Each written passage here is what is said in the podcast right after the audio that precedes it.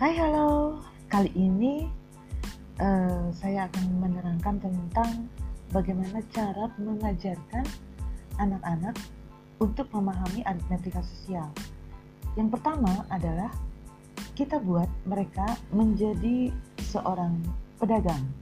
Misalnya, pedagang apa saja kita sediakan saja plastik, beberapa plastik, kemudian uh, apa pun bendanya mereka biarkan untuk kreatif berdagang dengan plastik-plastik tersebut.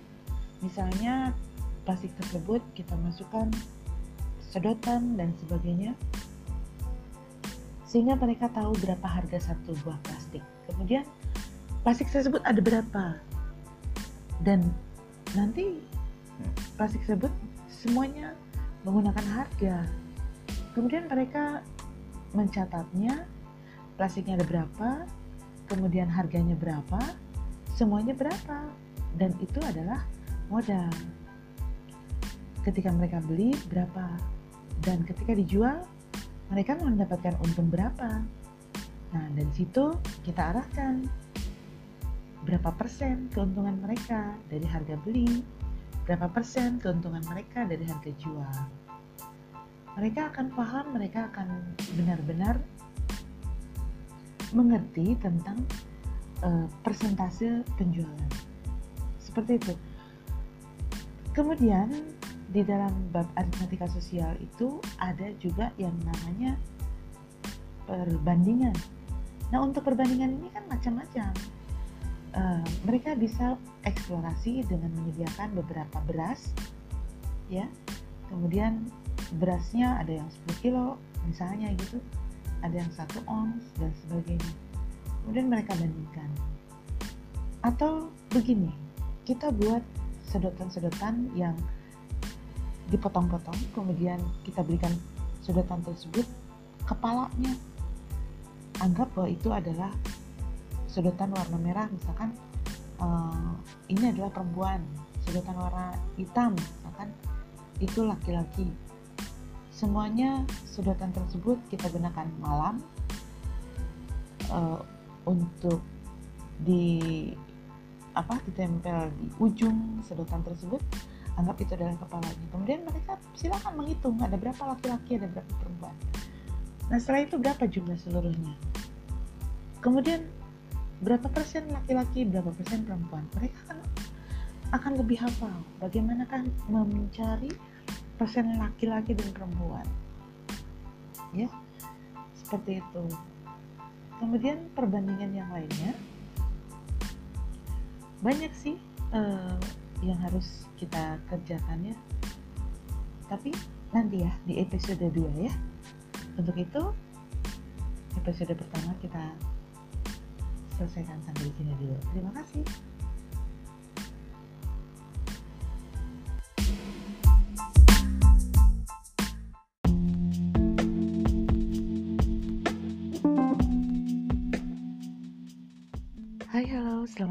apa kabar?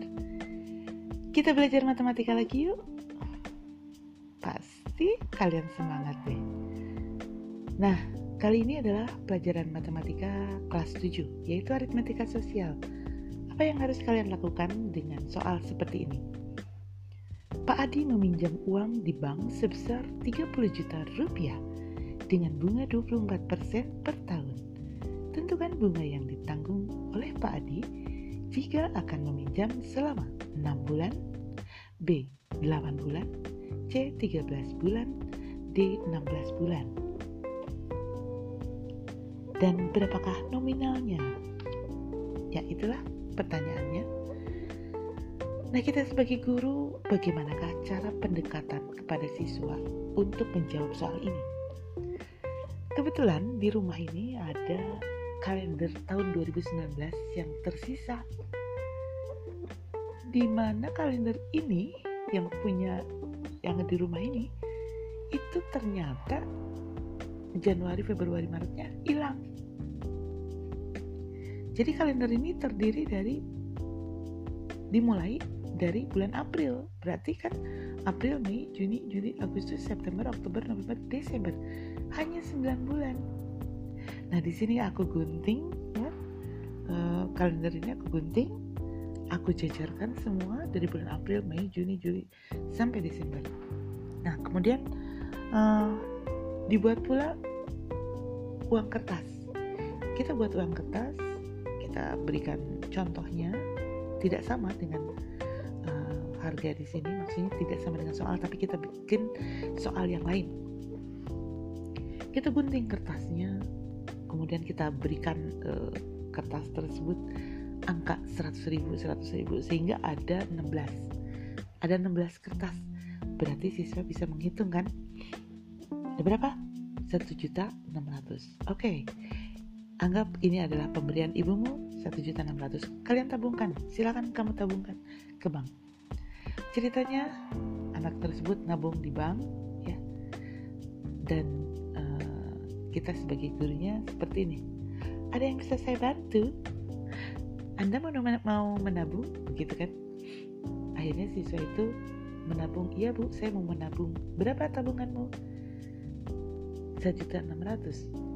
Ya di sini bank ini menerima uh, tabungan dan memberikan uh, apa?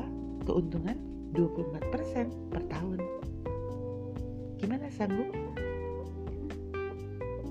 Akhirnya ceritanya dia nggak sanggup. Ah, aku nggak sanggup kalau 24% aku ingin cari yang lain. Oke lah silakan. Ternyata ternyata ketika dia mencari yang lain ternyata bukan 24% malah 12% per tahun. Akhirnya dia kembali lagi ke bank akhirnya kembali lagi ke sini oke lah kalau gitu saya jadi saya menabung eh, satu juta enam ratus dengan bunga 24 persen deal ya oke okay, deal ya ya ceritanya berarti bulan April nah siswa tersebut disuruh mengarang coba kamu karang silahkan uh, apa namanya barusan kamu menabung tulis saya menabung di bank sebesar satu juta enam ratus kemudian dengan bunga 24% per tahun. Saya menabung pada bulan April. Nah, kemudian kita sebagai gurunya tambahkan pertanyaannya.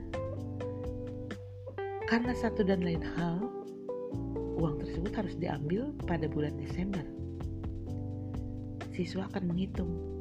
Kalau misalnya bulan awal April dia menabung berarti kalau sampai Desember berapa bulan nah seperti itu jadi siswa itu akan menghitung oh iya berarti kan April Mei Juni Juli Agustus September Oktober November Desember ya ternyata saya menabung 9 bulan nah berapakah uang kamu sekarang nah siswa akan menghitung 9 bulan pertama awalnya siswa bingung oke deh kalau kalau memang kalau memang kamu bingung coba tambahkan tiga bulan Januari, Februari, Maret. Nah berarti ini berapa persen? Setahun. Setahun berapa bulan? Uh, maksudnya berapa persen tuh? Berarti 24 persen kan setahun ya? Kalau sampai bulan Maret. Nah sekarang berarti satu bulan berapa? Nah di situ siswa akan bisa menghitung. Oh, aku tahu. Jawab siswa seperti itu. Satu bulan ternyata berarti 2 persen. Oh iya benar. Satu bulan 2 persen Nah, jadi kamu uh, tadi berapa bulan nabung? Hanya 9 bulan. Berarti gimana caranya? Nah, siswa akan bereksplor oh berarti 2 2 persen kali 9 bulan berarti 18 persen. Nah siswa nanti akan menghitung. Jadi berapa kelebihan uangmu setelah menabung 1.600 pada bulan April? Nah siswa akan menghitung 2 per 100 kali 1.600 mungkin hasilnya sekitar 280-an. Jadi jumlahnya adalah 1.800 ditambah 288 gitu. Nah itu makanya siswa nanti akan mudah untuk mengerjakan soal Pak Adi meminjam uang di bank sebesar 30 juta tadi waktu di awal ya. Mudah-mudahan bisa bermanfaat. Terima kasih sudah menyimak.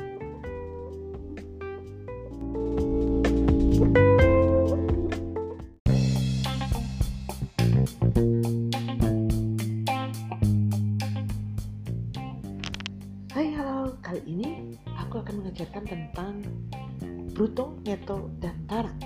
Bagaimana cara mengajarkan bruto, neto, dan tara kepada siswa kelas 7 SMP? Nah, langkah pertama adalah siswa jangan dulu diberikan arti dari bruto, neto, dan tara.